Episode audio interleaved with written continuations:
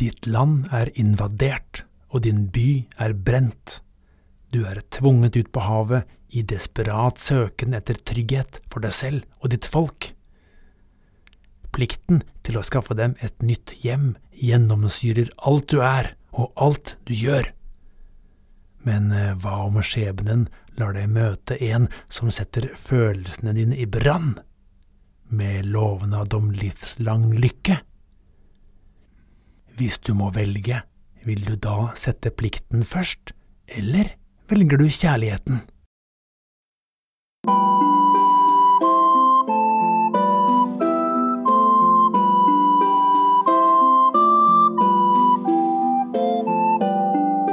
Velkommen til Helter og legender fra antikken, en podkast for alle. Episode 28, Eneiden, del én av 3. I episode 18 avsluttet vi historien om trojanerkrigen, hvor byen Troja ble inntatt, plyndret og knust av grekerne. Vi husker at kimen til den blodige konflikten var bortføringen av en vakker gresk prinsesse, Helena, og at gudene på Olympen en rekke ganger grep direkte inn i handlingen. Men eh, visste du at historien om trojanere fortsatte i form av legender om fantastiske hendelser helt andre steder, som Nord-Afrika, Sicilia og Italia?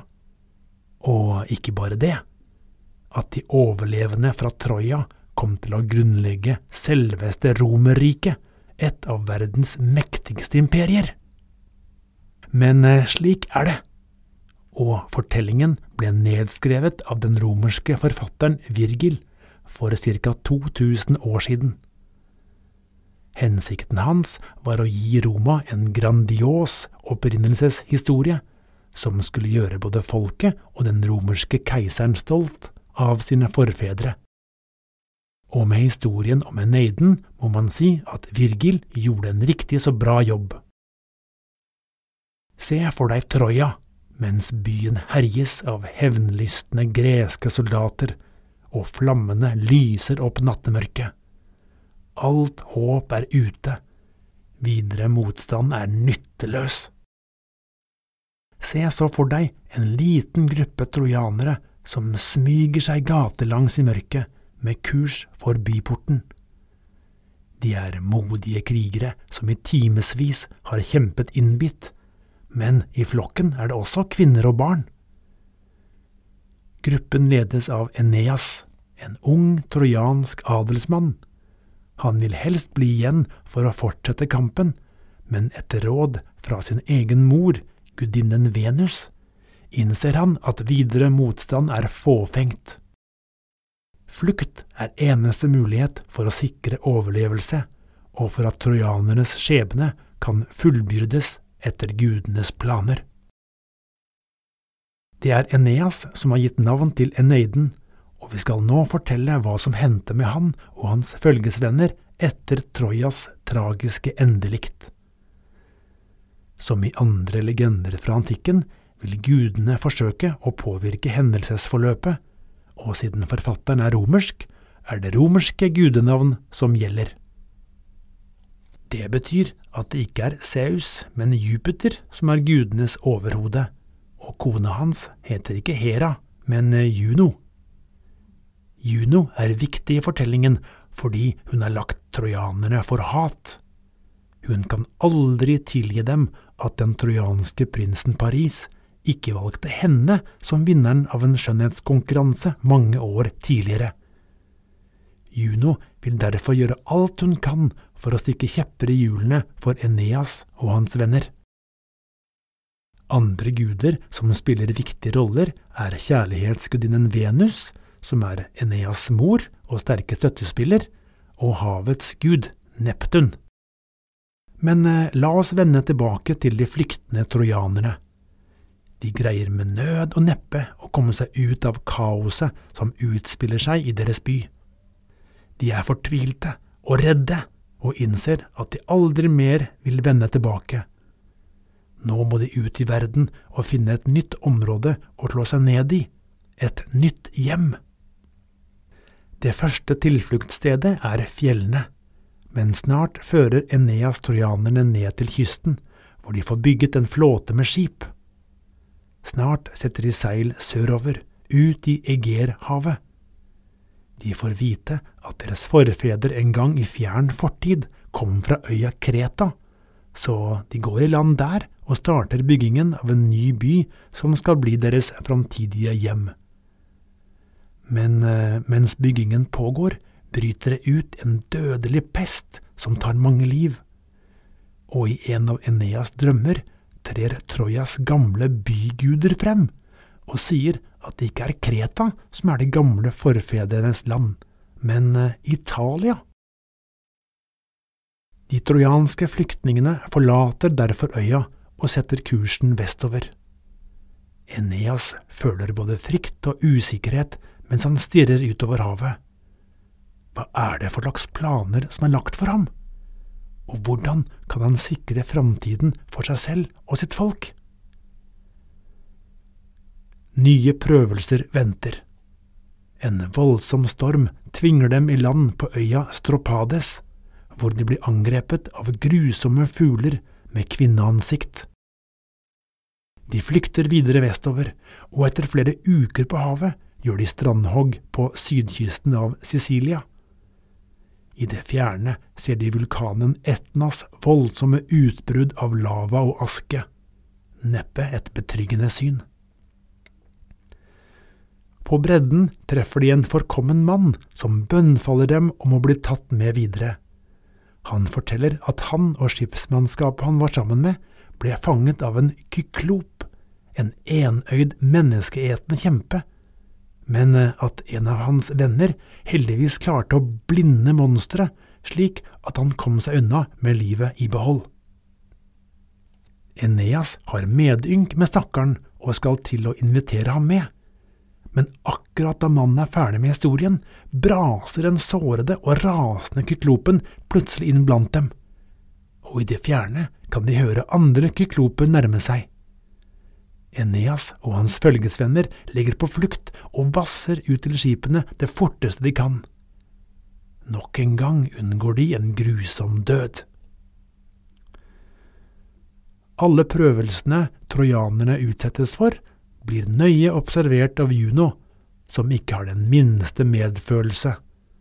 Tvert imot, så hevnlysten og sur er hun at hun befaler guden med makt over vær og vind å dra i gang en voldsom storm akkurat der Eneas flåte befinner seg. Og storm blir det! Båtene kastes rundt på det frådende, rasende havet, og flere skip går under. Det er først når Neptun griper inn at havet roer seg, og de stakkarslige restene av den trojanske flåten kan søke mot land. Eneas er rystet over den senere tids opplevelser. Er det virkelig ingen ende på alle prøvelsene han må utstå? Han strever med negative tanker og forsøker etter beste evne å sette mot i sine menn. Samtidig, på Olympen, overtaler Venus Jupiter til å gjøre situasjonen litt lettere for trojanerne.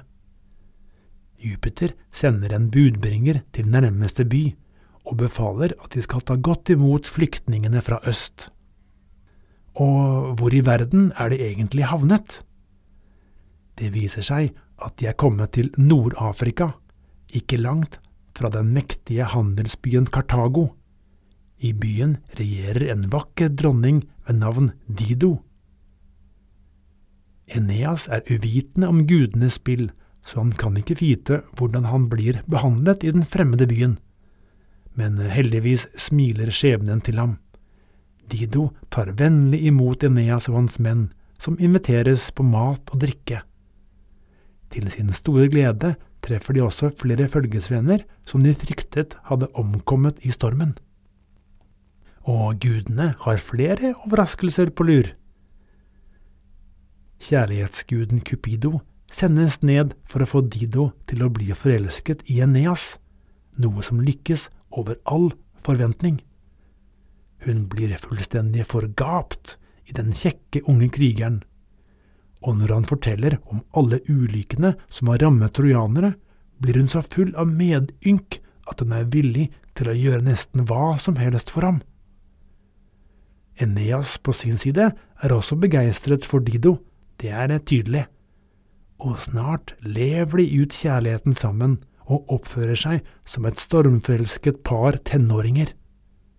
Det snakkes til og med om giftermål. Så mye lidenskap blir det mellom de to at noen synes de forsømmer sine plikter som ledere. En anfører som hele dagen hengir seg til romantikk og elskov, er neppe det trojanerne vil kalle et godt forbilde. Men eh, noen som er enda mer bekymret, er gudene. At Eneas er i ferd med å bli en blautfisk og kanskje vil forbli i Kartago, er ikke i tråd med gudenes planer. Så Jupiter sender en budbringer som gir Eneas klar beskjed om å avslutte romantikken og pelle seg videre. For trojanernes fremtid ligger ikke i Kartago, men i Italia. Den strenge beskjeden rykker Eneas ut av den honningsøte tilværelsen, og han innser at han er nødt til å adlyde gudenes befaling. Men hvordan i all verden skal han fortelle den brutale sannheten til Dido? Av mangel på bedre ideer prøver han å snike seg ned til båtene med sine følgesvenner og seile av gårde i skjul. Men Dido får vite om det lite gjennomtenkte opplegget, og blir selvfølgelig fra seg av sorg. Og hvitglødende av raseri. Hun slynger fornærmelser mot ham mens hun rives mellom fortvilelse og kjærlighet, for det hun aller mest ønsker, er at Eneas skal bli hos henne. Men Eneas er ubøyelig. Han må seile videre, selv om det egentlig er mot hans vilje. Dido resignerer til slutt og går inn i en tilstand av iskald ro. Hun beordrer sine tjenere til å samle sammen alle klær og gjenstander som kan forbindes med Eneas, til og med sengen de brukte for at det hele skal brennes på et stort bål. Hun vil slette alle minner om ham.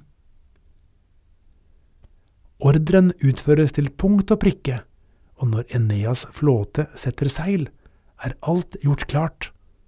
En stor haug brennbart materiale er samlet på gårdsplassen foran Didos palass. Men ingen har fullt ut forstått hvor desperat dronningen er, og idet en av tjenerne gjør klar en fakkel, løper Dido opp på haugen, i hånda har hun et sverd.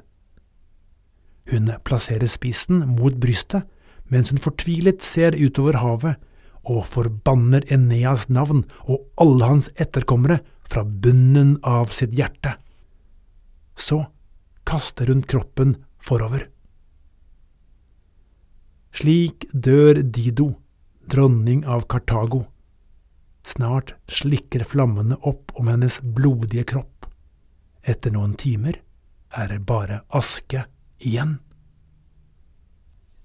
Ute på havet ser trojanere en strime av røyk stige opp over byen de har forlatt, og Eneas herjes av motstridende følelser. En bølge av tvil skyller over ham men han rister de negative tankene av seg. Avgjørelsen han tok, var rett. Hans skjebne ligger ikke i Kartago, men i Italia. Plikten til å gjøre det gudene har planlagt, trumfer alt. Eneas har heller ikke tid til å dvele ved tunge tanker. Snart er nok en voldsom storm over dem, og det er bare så vidt de greier overfarten til Sicilia. På Sicilia tas de godt imot av trojanske forbundsfeller, men etter en tid setter de igjen seil, denne gang med kurs for Latium i Italia. Før avreisen har han en illevarslende drøm, hvor hans avdøde far forteller om store prøvelser og en mektig fiende. Faren ber ham også om å reise til underverdenen for å få videre anvisninger der. Eneas står i stevnen på skipet sitt og speider utover havet. Bak ham, som perler på en snor, seiler de andre torianske fartøyene. Snart vil de gjøre strandhogg i det nye landet, landet de skal gjøre til sitt. Eneas kjenner skjebnen kalle, og han er klar. Følg med i neste episode av Helter og legender fra antikken, en podkast for alle. Ha det godt!